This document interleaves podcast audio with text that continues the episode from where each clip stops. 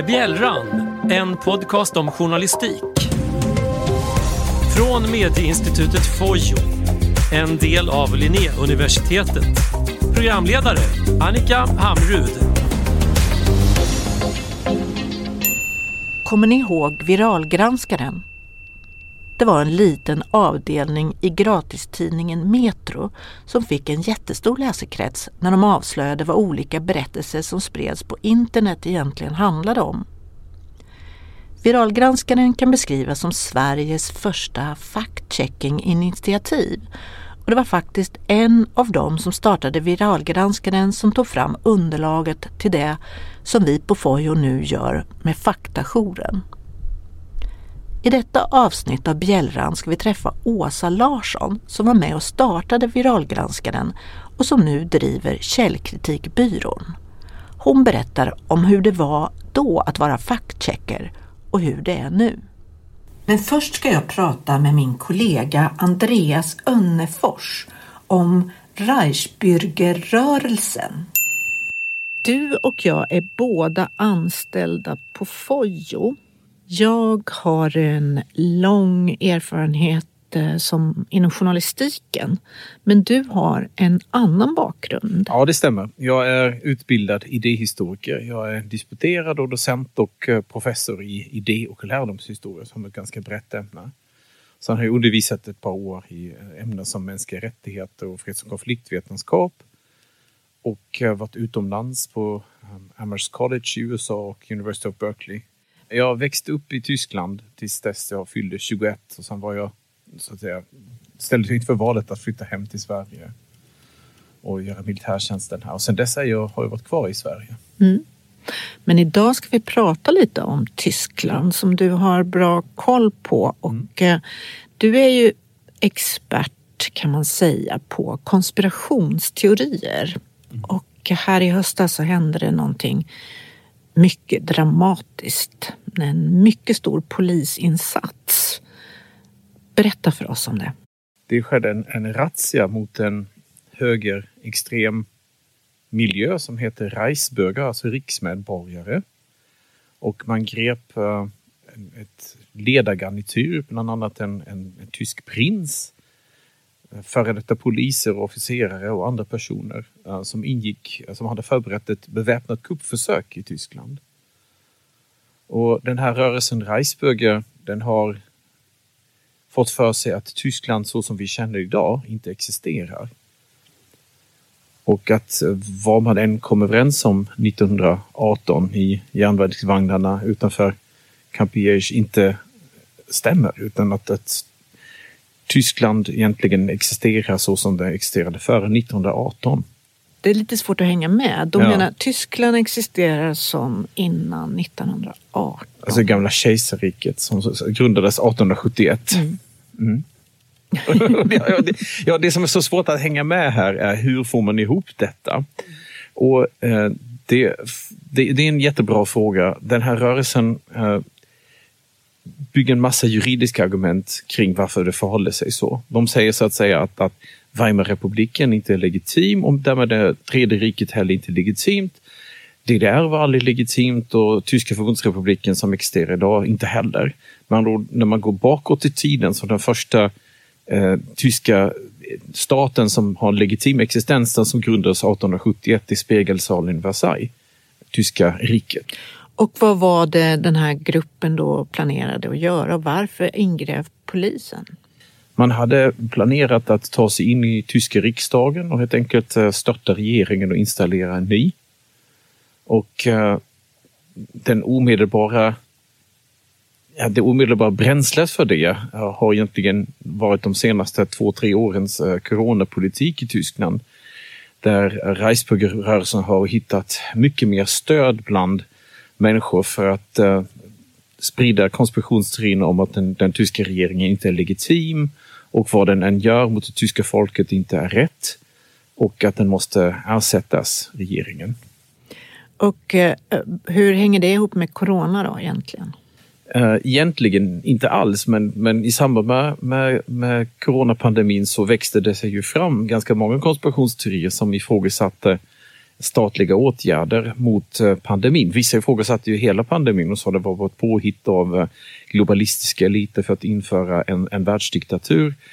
Och andra inriktade sig mer på nationalstaterna och sa att det här är ett, ett sätt för de olika nationalstaterna för att etablera och stärka sin eh, sin diktatoriska makt och så vidare. Och det är klart, det finns exempel på det. Det finns exempel på, på länder som med coronalagstiftningen eh, bakgrund så att säga utökade sin auktoritära makt. Så visst, den, den delen av kritiken stämmer förstås, men, men sen handlar det ju om eh, Förbundsrepubliken Tyskland som en stor demokrati och där eh, coronaåtgärderna kom, eh, man kom överens om coronaåtgärderna i en bred eh, majoritet i, i, i riksdagen och i samråd mellan de olika federala delstaterna. Det här är så ehm, det är intressant för att det, det är ju Eh, två andra liknande angrepp på motsvarande riksdag har också skett den senaste tiden och där det också handlat om konspirationsteorier. Exakt. Och egentligen var det de tyska Reichsbürger som var först. För att under en anti-corona-demonstration i, eh, sen, på sensommaren 2020 där också den prominente eh, anti-corona och antivaccinaktivisten eh, Robert F Kennedy Jr deltog och där det var tiotusentals människor samlade i, i Berlin eh, så bröt sig en grupp av Reichsbürger ut ur den här demonstrationen och började storma den tyska riksdagen med gamla med det gamla kejsarväldets flaggor. Så, så egentligen var det första sånt här försök att storma en regeringsbyggnad redan där och då och kan direkt kopplas till antikoronaprotesterna. Ehm, men sen naturligtvis ett par månader senare skedde då stormen av Kapitolium i USA.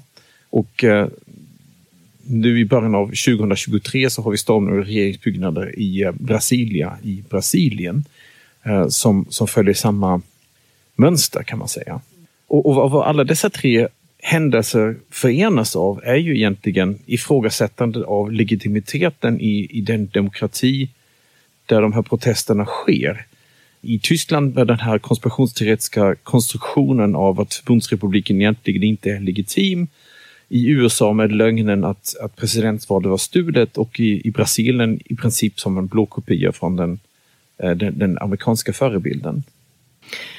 Alltså, man tänker så här som eh, en journalistpodd som journalistikpodd som det här är. Varför är det viktigt för oss att förstå konspirationsteorier?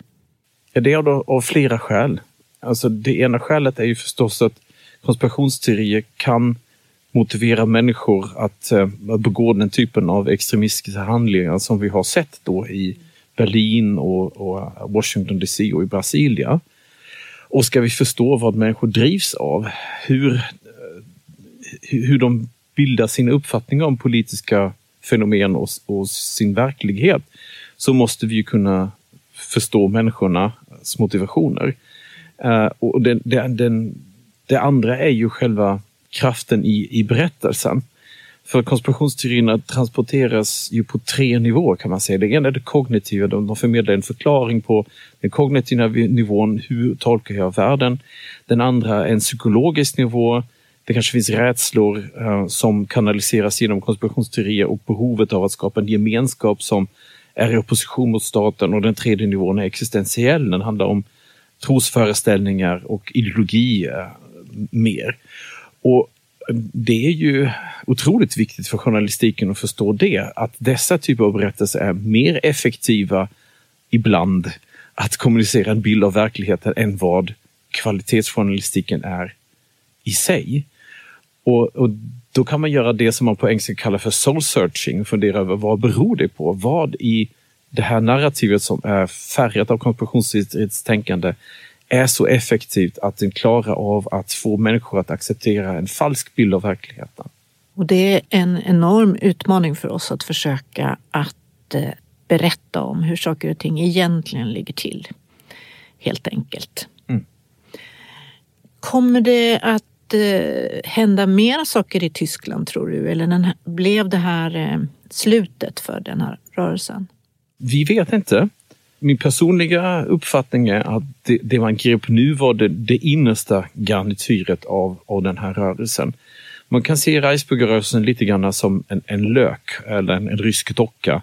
I, I det yttersta laget så finns det människor som är frustrerade med systemet och eh, de går och viftar med en gammal kejsarflagga för att de eh, inte gillar det politiska systemet och är missnöjda med en massa saker. Men de tänker kanske inte riktigt så här jättemycket på vad som egentligen händer och eh, och sen finns det en annan nivå där, där det finns de som är mer inne i själva ideologin och där greps det också en, en ring av personer förra året. Det har gått lite mer under radarn. Och det som var intressant här var till exempel att det var en pensionerad professor i teologi som, som ledde den här cirkeln eh, som, som eh, eh byggde upp en slags eh, ideologisk bild av varför Tyskland så som det existerar idag inte Eh, Eh, ska få existera och, och, varför man måste ersätta med någonting nytt. Och, och de som greps nu anklagade för kuppförsöket, ja det var de som var välbeväpnade, som hade relativt höga positioner i samhället, som hade teknisk kunskap om hur man kunde ta sig in i riksdagen och så vidare. Så mm, vad jag tror så har man, har, har man slagit så pass hårt mot rörelsen nu att den inte har eh, någon kraft kvar. Problemet är ju förstås det att i den konspirationsteoretiska berättelsen så är eh, de här gripandena bara ett eh, ytterligare argument för varför man säger att konspirationsteorin stämmer. Man har skapat martyrer som nu kan eh, symbolisera den här rörelsens politiska kamp på ett annat sätt. Vilket i sin tur kan mobilisera nya anhängare. Finns det någon motsvarighet i Sverige? Inte direkt. Det är så här att eh, den här delen av tyska Reichsbürger som gör de här avancerade politiska diskussionerna kring Tysklands icke-existens. De är också inspirerade av en, en, amerikansk rörelse som heter Sovereign Citizens Movement som till exempel gör ganska fundamentalistiska tolkningar av den amerikanska konstitutionen och som säger att eh, det finns eh, individen har rätt över landet och federalstaten har ingen jurisdiktion och så vidare. Och i de kretsarna finns det beröringspunkter till Sverige. Så finns en, en indirekt beröringspunkt i det att delar av Reichsbürgerrörelsen orienterar sig och blir inspirerade av de här amerikanska sovereign citizens och att vi i Sverige hade ett mikroparti som ställde upp i valet som hette Rikslagen, men också eh, andra delar av anticoronarörelsen som också anser att Sverige inte existerar och i själva verket är ett aktiebolag och att därför den svenska staten, polisen och så vidare inte har någon rätt att eh, ingripa mot individer och att det finns något som heter natural law som skulle ge individer rätt att eh, skapa sin egen suveränitet på den platsen där de befinner sig och så vidare. I den eh, högerextrema miljön i Sverige, finns det kopplingar där till eh, de här tankarna? Det finns ju som sagt då, som man kan förstå, finns det två, två linjer i, i Reichsbürgerrörelsen. Den ena är den nostalgiska tillbakablicken till den tiden i historien där Tyskland fortfarande var en stormakt. Man kan säga det är samma imperiedröm som driver Ryssland eh, och Putin helt enkelt. Tillbaka till kejsarmakten där Tyskland var stort och hade kolonier ute i världen och så vidare. Eh, det är den ena. Den andra komponenten är den här utopiska idén om att man väldigt lätt kan avskaffa demokratin, förbundsrepubliken, för att skapa någonting annat. Och jag skulle vilja påstå att, att eh, högerextremismen generellt har de här båda inslagen. E-, det ena draget är vi ser tillbaka på tiden, på Sveriges storhetstid och eh, nationalstaten på 1800-talet och, och så vidare som det ofta görs. Och, och den andra bilden är den existerande demokratin, rättsstaten, de demokratiska institutionerna är ingenting för en framtida folkgemenskap som ska bara ha eh, en enhet mellan ledare och, och, folk till exempel. Så det finns båda, båda komponenter i, i detta, drömmen bakåt och också utopin om att skapa någonting bortom den representativa demokratin det har funnits, i, rent lokalt har det funnits eh, konspiratorister, vad, säger man, vad kallar man dem, som har ställt upp i lokalval i Sverige. Absolut. Och förutom eh, den här, det här mikropartiet eh, Rikslagen exempelvis som, eh, som inte lyckades eh, samla särskilt mycket väljarstöd så fanns det, eh, finns det ett ex exempel som är, är intressant att lyfta fram i Dalarna. där ett, ett litet parti eh, ställde upp eh, på olika eh, kommunala listor och där bärande delar av det partiet sedan eh, visade sig tillhöra en ganska inbiten sekteristisk konspirationsteoretisk miljö. Som förstås förnekar pandemin och som menar att det är eh, Illuminati som styr och att eh, världen styrs av globalister, vilket är ett kodord för judar och, och, som har en ledare som säger sig kanalisera eh, angeliska krafter, alltså ärkeänglens eh, förkunnelse på jorden och den här idén, eh, de här idéerna som är väldigt vanligt förekommande inom de esoteriska kretsarna.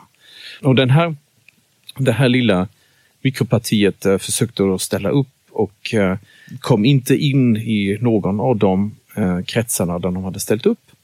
Men det blev ett, ett efterspel eftersom Avesta Tidning, Borlänge Tidning blev eh, anmälde för valnämnden för att ha så att säga eh, ja, förstört för det här partiet. Att, att så att säga vara med om att eh, finnas med i, i ett rättvist val så, så viceledaren, tror jag det var, krävde att valet skulle göras om. Och nu kan det här tyckas som en väldigt liten, väldigt liten episod, men den, den visar liksom hur det här resonemanget kan börja sippra in i en svensk politisk kontext. Ett annat exempel är eh, ja, kyrkomötet eftersom partiet Alternativ för Sverige har lyckats att få in eh, ledamöter där. Och, och Alternativ för Sverige gillar ju naturligtvis inte heller så att säga alla former av global beslutsfattning och har lämnade därför en motion som skulle säga att Svenska kyrkan skulle lämna Agenda 2030 alltså arbetet för de globala utvecklingsmålen. Och eh, i den här motionen så förekom också de här tankarna kring eh, Klaus Schwab och World Economic Forum som eh, en, en, en hemsk global diktatorisk makt som vill ta ifrån människor deras privata egendom och sånt här. Och kyrkans tidning försökte liksom um, belysa det konspirationsteoretiska innehållet och förstås var Alternativ för Sverige inte särskilt förtjusta över det. Och det är förresten två väldigt goda exempel, både för de lokaltidningarna i Dalarna men också för Kyrkans Tidning, där journalister direkt har behövt konfrontera den här typen av konspirationsteoretiskt meningsskapande. Där man har behövt inhämta expertkunskap utifrån som inte finns automatiskt inom journalistiken i sig för att förstå ett nytt sätt att framföra sina politiska åsikter och eh, eh, sin egen världsbeskrivning. Man tänker att eh, vi är många journalister som jobbar över hela Sverige som kan råka ut för att försöka förstå de här eh, tankegångarna och försöka förklara dem för läsarna. Och eh, det kanske inte alltid är i debattform som det fungerar bäst att eh, ta, ta emot de här eller vad ska man säga, bemöta dem. Utan mm. det behövs nog en, en förklaring, en fact-checking. Absolut. I de här sammanhangen. Absolut. Och det finns också ett, ett, ett, annat intressant begrepp som, som diskuteras just nu som vi behöver diskutera mer är det vi kallar för falsk balans. Alltså att, att man tror att, att mediernas demokratiska uppdrag skulle vara att vi måste skapa ett utrymme för de människorna som ifrågasätter hela kunskapsbasen för hela det demokratiska samhället.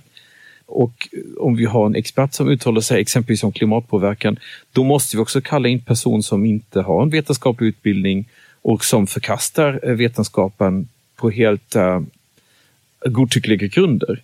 Och då tror man att man följer sitt demokratiska uppdrag för då har man ju så att säga skapat en balans mellan eh, en typ av opinion och en annan typ av opinion. Och det är en farlig väg att gå för att den här falska balansen skapar ju en plattform för falsk information att spridas ännu mer. Och, och där befinner vi oss just nu i, i, i ett um, moment 22 skulle vi påstå. Där medierna både i Storbritannien och USA eh, Storbritannien i samband med Brexit, eh, om folkomröstningen och USA naturligtvis i samband med, med Trumps um, presidentskap har behövt lära sig en hård läxa med hur man ska göra på rätt sätt. Och vi är inte riktigt där än i Sverige där vi har lärt oss den här läxan och det finns fortfarande en naiv tilltro till eh, den här balansen eh, som är, ett legitimt sätt att presentera väldigt avvikande åsikter. Problemet är inte att, att det är avvikande åsikter i sig som presenteras utan kunskapsbasen bakom dem. Och att den ena positionen får framstå som lika legitim kunskap som den andra när den i själva verket inte är det. Och då, då blir faktacheckningen plötsligt, eller faktagranskningen sen, plötsligt måste det bli ett verktyg för en slags brandkår som behöver rycka ut och säga det som den personen sa under den intervjun är fullständigt uppåt väggarna, det är helt fel. Och då får man ytterligare en stigmatisering av faktagranskningen som ett slags eh, verktyg för att tysta debatten och så vidare. Och det är väldigt olyckligt att det är så. Så, så helst skulle man ju vilja att man, man, eh, man man valde den här balansen på ett annat sätt än just att låta kunskap som inte är byggd på, på, på sanning helt enkelt uh, uppträda med ett lika stort sanningsvärde som, som annan kunskap. Ja, det är en utmaning för många journalister att, ja. att, uh, hur man ska hantera de här önskemålen om att mm. få ta plats, att de ska få ställa upp just i, i debatt Mm. Eh, när de eh, kanske inte alls är särskilt duktiga på att presentera några bevis för det de eh, påstår. Exakt. Och, och om, det, om det kan vara att man måste hitta på en annan form. Men det problematiska är att framställa den, en position som lika legitim som den andra. Och, och glömma bort att när vi pratar om, om opinionsyttring är det en sak, men vi pratar om kunskapsfrågor så är det en annan sak för, för, för kunskapsbildning ska bemötas med, med annan kunskapsbildning eller ett ifrågasättande av metoder och resultat. Men det ska inte bemötas med, med opinion. Naturligtvis om man framför en opinion som är byggd på vetenskaplig kunskap och en annan person ifrågasätter den opinionen byggd på människokännedom eller psykologi eller politisk övertygelse. Så det är en jättelegitim diskussion att ha i ett samhälle naturligtvis, självfallet. Men då blir det opinion mot opinion. Problemet är när det är kunskap som besvaras med opinion och de inte eh, ligger på samma nivå. Precis så är det. Vi kommer att fortsätta att prata om de här sakerna. Jag säger tack till dig idag, Andreas.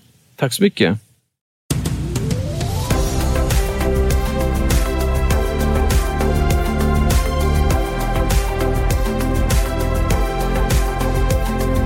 Det här är Bjällran. Dags för en kortis med Jonathan Lundberg.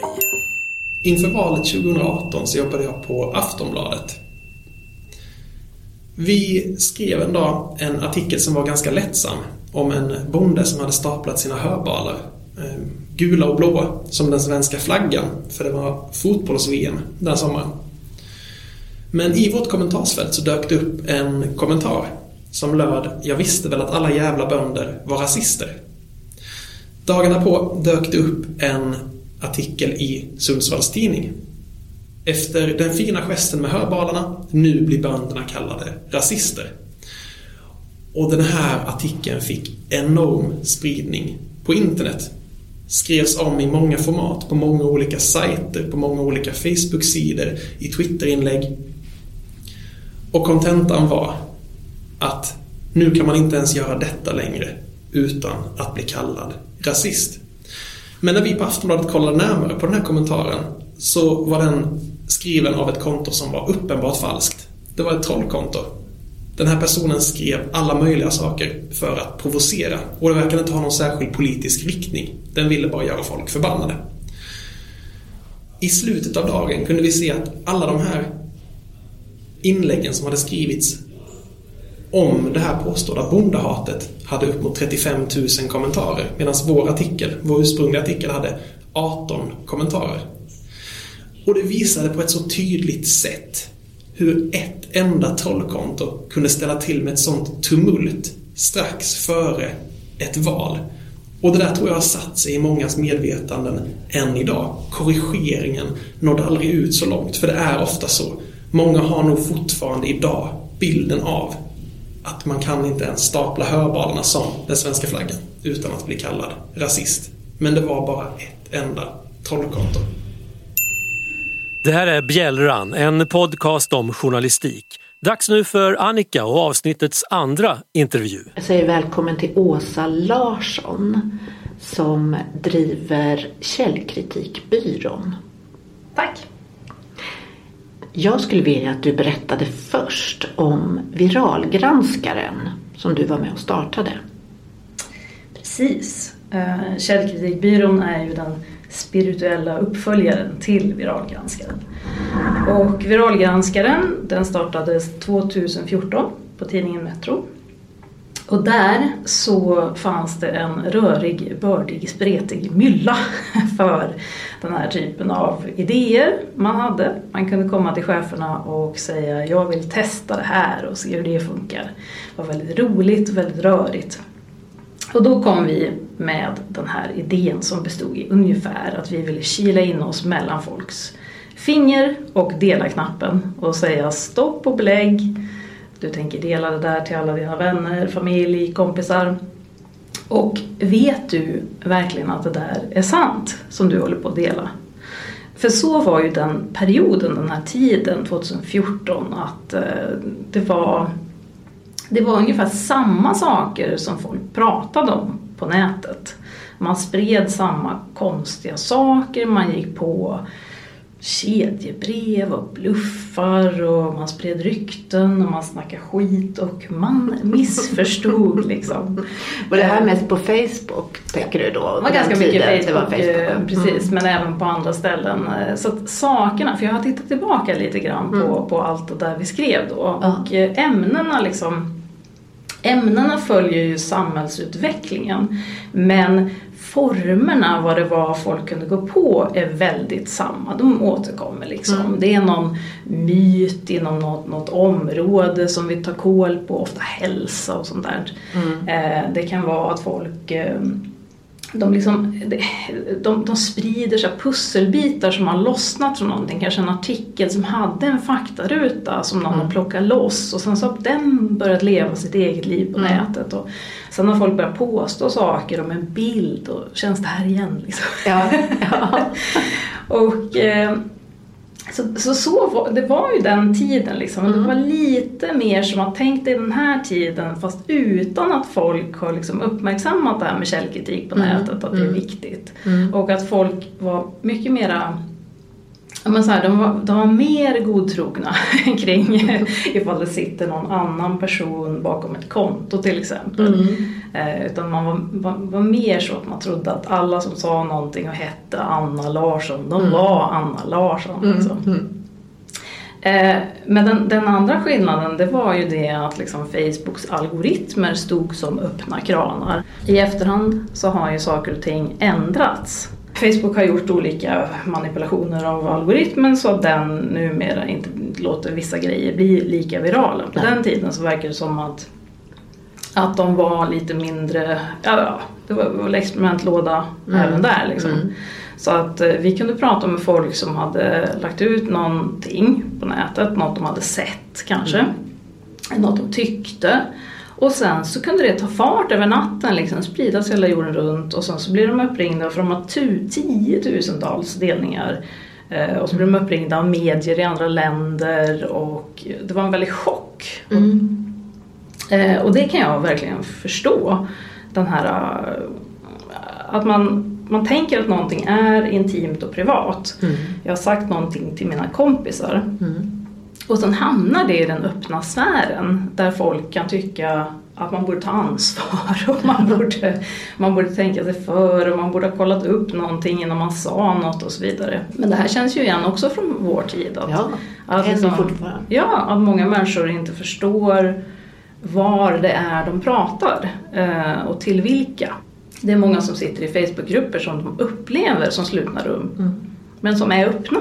Mm. Det vill säga att du står på torget. Mm. Mm. och nu råkar det vara en, en, del av torget som ni har rutat in och kallat någonting men vem som helst kan sitta där och lyssna mm. på dig och mm. så vidare.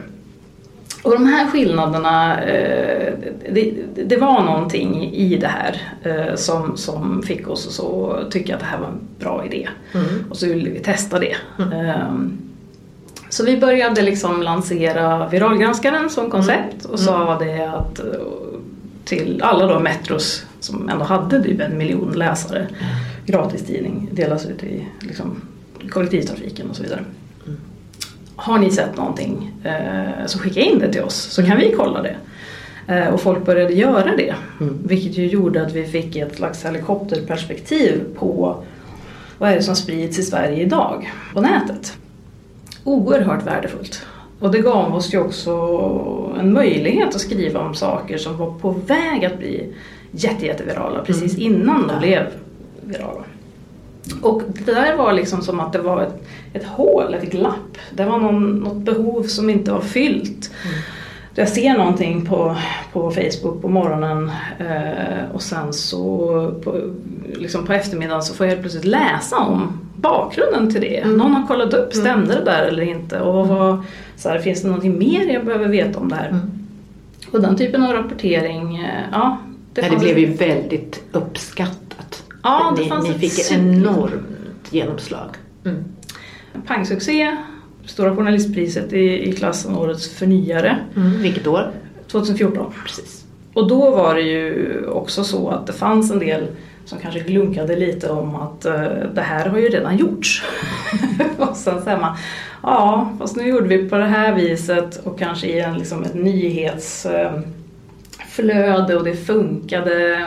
Det som vi gjorde det funkade. Mm. Folk gillade det, det blev uppskattat liksom. Och sen så var det andra som tvärtom tyckte att det här var så revolutionerande. och vi var så här, ja, det är nog samma källkritik som, som man lär ut i skolorna. Va?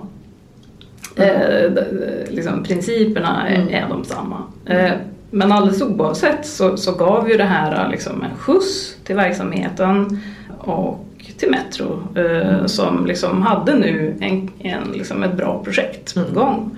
Och eftersom Metro var gratis mm. så, så ville vi ju liksom också Alltså det, fortsatte in i den här verksamheten. Vi började göra liksom så här undersöker du en bild, så här kan du granska en sajt, så här. Mm. Alltså försöka lära ut det som vi gjorde till mm. allmänheten så att mm. de själva skulle, ja men så här så att vi skulle bli överflödiga. Och bara det faktum att vi kunde göra det gratis tycker jag var en ja. liksom, ynnest. Det var, vi kunde åka ut till skolor och hålla föreläsningar utan att behöva eh, ta betalt utan bara liksom så här, vi kommer, vi kan mm. fixa det här. Vi gjorde källkritikens dag och bjöd in skolklasser mm.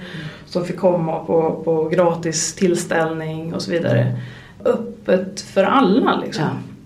Ja. Så det var väldigt, väldigt härligt tyckte jag med den tiden. Ja. Att det både var liksom, det var kul eh, att jobba som nätdetektiv, ja. sitta och, och, forska fram olika saker och också få, få nörda ner sig i ämnen. Det var mm. ganska ofta så här att någon påstår att någonting är på ett visst sätt och så frågar man de som kan något i branschen och säger de nej. nu har de tänkt fel eller nu har de fattat fel. Liksom. Mm. Mm. Och så lärde man sig saker och sen så blev man ju också den, den, egna lärdomen det var ju vad är det som svenskar sprider? Mm. Liksom, hur, hur ser det ut? Och man lärde sig anatomin av här har vi en konspirationsteori och mm. här har vi en, någon slags konstig satirsida som har tappat den moraliska kompassen. Eh, och eh, ja, jag tyckte det var väldigt lärorikt och vi började då sortera in saker i olika stora eh, här, sorter. Det här mm. är den här typen av, av fake-saker och den här typen av fake-saker. Och det här, när det kom den här, för vi var ju då två år före 2016 då allt det här exploderade efter eh, valet i USA. Mm. Då Donald Trump liksom säger eh, fake-nyheter, vad, vad klagar ni för? Det är ni som är fake-nyheter, ja. sa han till media då liksom. Och, och i det så var det en sån himla begreppsförvirring. Ja. Alla ville claima alla de här olika begreppen. Och begreppen i sig var luddiga, odefinierade. Mm. Alltså så här, folk är väldigt inne på det nu också, att man ska så här, spika vad som är vad. Ja. Och jag tycker att det är ganska kaotiskt och, och rätt svårt. Men däremot så kan man gå in och titta på enskilda exempel. Så här, ah, det här är någon form av kedjebrev som också spinner vidare på någon slags eh, hälsomyt. Alltså så här, ja. ja. Man kan sortera men eh, det, det enda man kan ha det till tycker jag riktigt är att bli en mer vaksam person på nätet. När du har sett en bluff en gång, då går du ju inte på liknande bluffar. Nej. Då kan du ju direkt bara, men det där är ju den där grejen. Har du hört om konspirationsteorier av olika slag så känner du ju igen dem när, Ja. när någon börjar liksom prata om det. Och det är ju samma sak, det spelar ingen roll att det är på nätet, det gör du ju även vid ett kaffebord eller Mm. liksom sådär. Sen så liksom utvecklades eh, hela det här fältet på ett sådant sätt att eh, nu när vi har kommit in i vår tid, Mm. eh, Metro gick ju omkull 2019 och då ville vi som grundade Viralgranskaren, alltså Jack Werner, Linnea Jonjons och jag, vi ville ju liksom inte att det bara skulle försvinna. Nej. Så vi startade om med Källkritikbyrån och tog med oss så mycket vi bara kunde in i det och fortsatte. Mm. Eh, och skillnaden då, för vi började ju fundera på så här, olika tider har haft olika ämnen som har varit stora. Till de stora samhällsdiskussionerna så dyker det ju upp alla de här som vill luras eh, eller som bara vill promota sin sak kanske. Alltså så här, alla dras till det där som är hett och så vill man få in sin grej och eh, så för att man vet att man har människors uppmärksamhet. Och då funderade vi på vad kommer vi att behöva skriva om nu, månntro? Två veckor efter vi lanserade så, så breakade pandemin i Sverige. Ja. Så då blev det ju ganska uppenbart Ja. med en gång. Ja, då får vi titta på det då. Ja. vad, vad, vad sprids? Eh, och, och så här, ja. Eh, Men då så upptäckte vi då att allt eftersom pandemin rullade på att eh, vi har ju försökt att hålla oss till att vara avgränsade i vad vi, vad vi ko- kollar. Mm. Man, man vill inte kolla ett helt område för det är liksom inte, det är inte görbart och det är inte önskvärt. För att jag menar, det finns det ju folk som redan kan boklängder om ämnen. Ja. Liksom. Utan vi vill ha ett avgränsat påstående, en sakfråga som någon säger att det är på ett visst sätt som man kan kolla. Liksom. Ja. Och det ska också vara viralt. Alltså, Det finns ju ingen anledning att ta påståenden som har alldeles för liten spridning och ge dem, amplifiera dem själv och bli en del av spridningen själv. Så det är mycket sådana saker, vi behöver avgränsa oss. Men när pandemin då rullade på så upptäckte vi att folk dels färdades in i konspirationsvärlden på ett annat sätt. Det startades, det fanns ju ett underskott på liksom, information. Ja. Så folk vallfärdade in i stora liksom, covid-grupper på Facebook där man ja, ställer frågor och Ja. vad tror ni om det här och hit och dit. Och en del av dem radikaliserades för det dök upp konspirationsteoretiker som så att säga eh, ja, stötte på Svensson. och i vissa fall så blev det ju så att Svensson gapskrattade åt de här tokiga idéerna. I andra fall så inspirerade Svensson att Ta till sig och bli konspirationister Eh, själva ja. och, och, och det berodde också lite på hur de här människorna som drev de här grupperna betedde sig kring det. Vart det landade. Men man kan absolut säga att eh, folk har blivit, i allmänhet har blivit mer exponerade för och mer medvetna om konspirationsteorier. Och förr, när vi sysslade med viralgranskaren, så höll vi oss ganska långt borta från det där. För att det är ju på ett, sätt, på ett annat sätt. Mm. Många konspirationsteorier är ju bara redan eh, liksom bevisade saker Mhm. som någon bara inte vill tro på.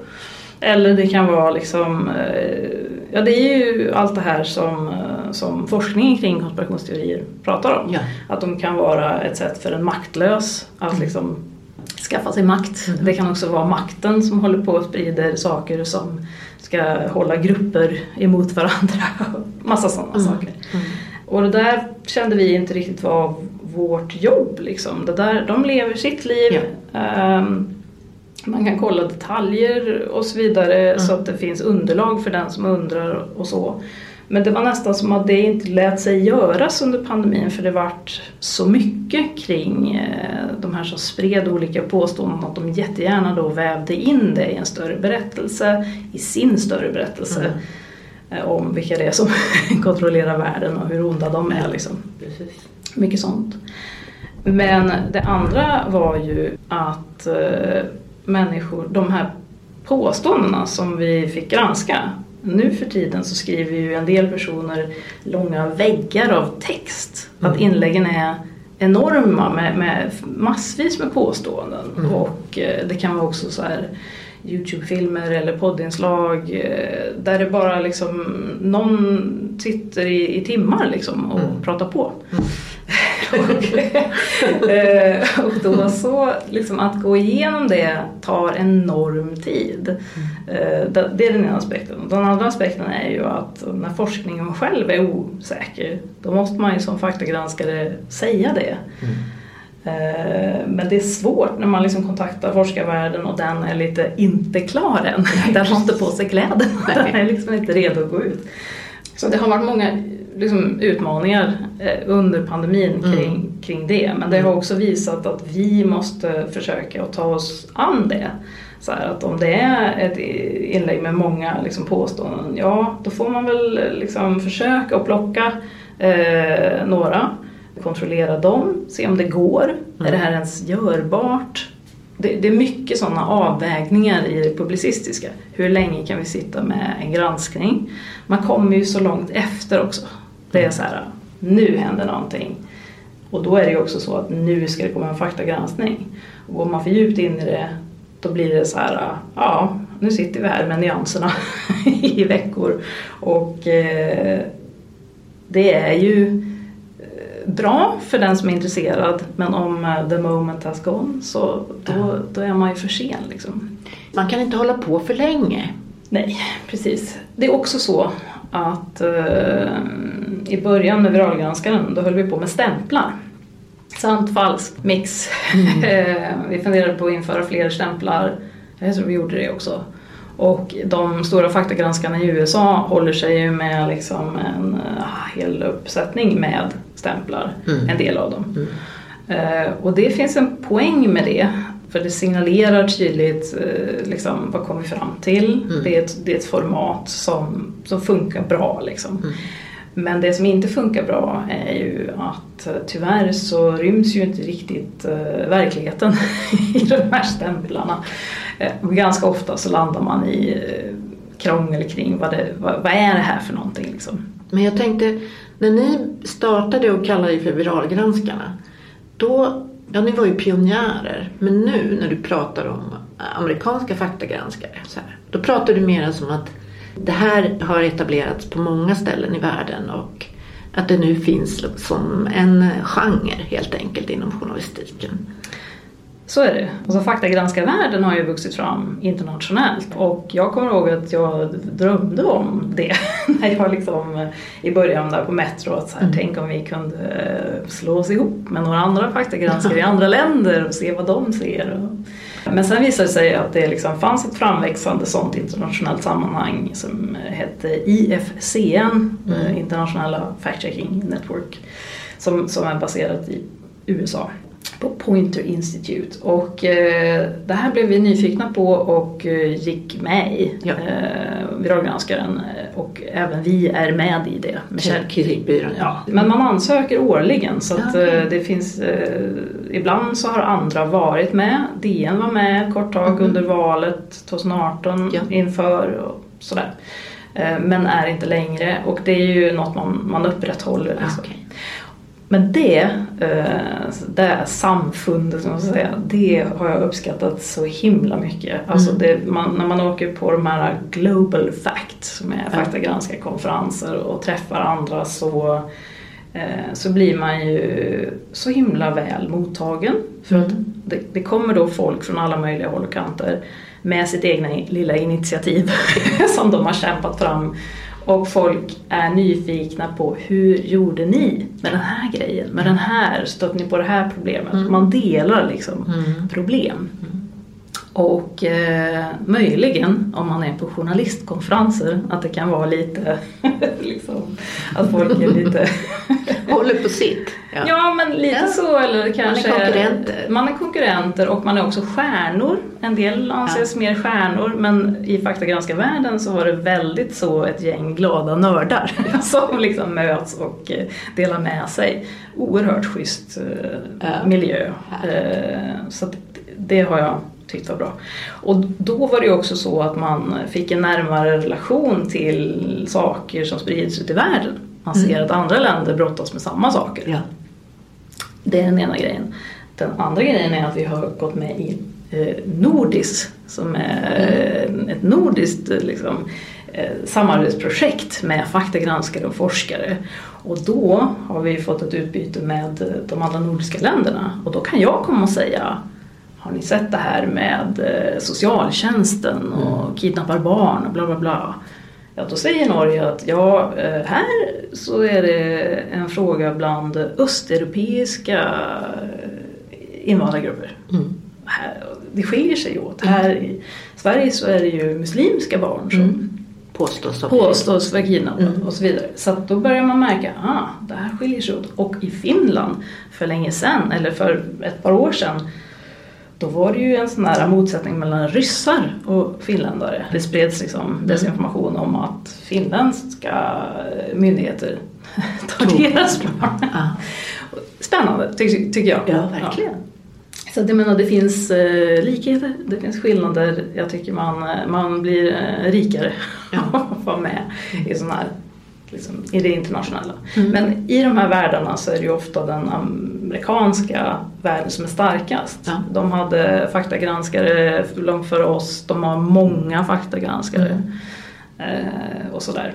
Hur organiseras det i USA då? Är det, många som, är, de, är det stora tidningarna som har eh, avdelningar eller är det, är det privata särskilda initiativ som bara sysslar med fact-checking? Ja, det är blandat. Eh, nyhetsbyråerna, de stora, har ju allihopa tror jag, eh, faktagranskar avdelningar mm. som är med på det sättet. Stora tidningar kan också vara med och ha avdelningar. Mm. Och sen finns det ju liksom egna initiativ. Uh, Snopes är ju en gammal sån i, i gamet som började med Urban Legends. Ja myter, jättekul. Ja. på, för länge, länge sedan och som mm. fortfarande hänger i. Och de har ju då valt att både gå in och ut ur olika eh, samarbeten mm. lite beroende på, på hur de har det mm. eh, internt och sådär. Så att eh, det är ju en, det är ju en eh, variation av former så att mm. säga. Mm. Vem är det som sköter faktagranskandet? Mm. Vilket också leder till olika resurser. Så här, hur mycket resurser har de mm. olika, ett stort mediehus mm. kan ha mycket resurser men kan också vara så här, nej men vi måste göra neddragningar, nu ryker det här. Liksom. Jag tänkte, är det många som eh, då har faktagranskare även till det som de egna journalisterna ska, ska göra? Eller är det oftast så att man skiljer man, mellan att granska vad som redan är publicerat av andra Ja, det vet inte jag. Hur, det beror på. Mm. Eh, förr på viralgranskaren då kunde ju hela redaktionen, alla kunde skriva viralgranskare. Det är ett format. Liksom. Det är ett liksom. format. Ja. Och så skulle jag gissa på att det är på flera av de mm. eh, mediehusen som håller sig med sånt här. Men ganska mycket hamnar ju i den här formen, mm. faktagranskningen som form. Liksom. Ja. Att, eh, man, man kollar något som är redan publicerat på något vis. Ja, precis. Ofta något som har blivit viralt. Ja, och ganska många gör ju ingen större skillnad på är det här en tidning som har publicerat eller ett inlägg på Facebook eller sådär. Så att, så att avsändaren är inte så himla noga med. Nej. Det är lite olika smak eh, som mm. det blir på, på rapporteringen. Eh, bland de nordiska länderna så kör faktisk.no har ju haft det här, uh, här är ett yttrande politiker liksom ja. sådär, kan ha sagt någonting och sådär. Något som vi har varit ganska långt borta från att göra. Mm. Alltså granska politikers ja. uttalanden. Och det här kan man ju tänka olika kring. Det är jättebra att det görs för att det är makthavare. Men samtidigt så finns ju det i den vanliga rapporteringen, ja. särskilt under valtider. Borde finnas i varje fall. Borde finnas. Nej men det är, det är, det är stort fokus på vad som sägs och, och sådär. Problemet är bara men det är samma sak som för faktagranskningen. Att så här, någon säger någonting i en mm. debatt, slänger ur sig någonting. Då måste någon börja kolla det med en gång. och, eh, och sen så, så, ska det kanske, så är det kanske det är komplext ämne. Mm. Ska det sättas in. Eh, experter ska hittas, rätt experter som, säger, som har koll på exakt det där. De ska enas om vad är det han har sagt, vad menar han? Mm. Alltså det tar tid liksom. Ja. Och då rullar den här debatten på. Men jag tycker att det är inga problem att återkomma till saker. Det här dök upp i den debatten, mm. nu har vi kollat det, så här liksom har vi hittat det är bra, men det är också problematiskt för att tal är ett flöde Mm. och då blir det lite som att politiker har lärt sig att säga saker så att de knappt är tydliga ens för dem själva. Vad var det de menade? Mm. Och sen i efterhand så, eh, ja. Jag tycker att det är bra att man så här håller folk ansvariga för det de säger. Mm. Men om de inte får ändra sig, nu ska ju politiker bli bättre på att ändra sig. Ja. Då ska ju säga oj, det blev tokigt. Men det, det, det är som att de inte klarar av det. Nej. Eh, och det är ju bara i tiden. För så där är det ju med företagsledare och eh, influerare, influencers. De, alltså, så alla är något himla varumärke som aldrig någonsin kan eh, medge att något har blivit snett eller att det blev inte så himla bra det här. Som vi har märkt i samtiden. att det är många som, som värnar om sina varumärken på ett väldigt trist sätt. Som gör att det inte går att prata om vad det var som faktiskt hände eller sades eller hur det är. Det här var jättespännande och eh, jag tackar dig så mycket Åsa och vi kanske hörs igen. Ja, tack så mycket. Bra. Hej.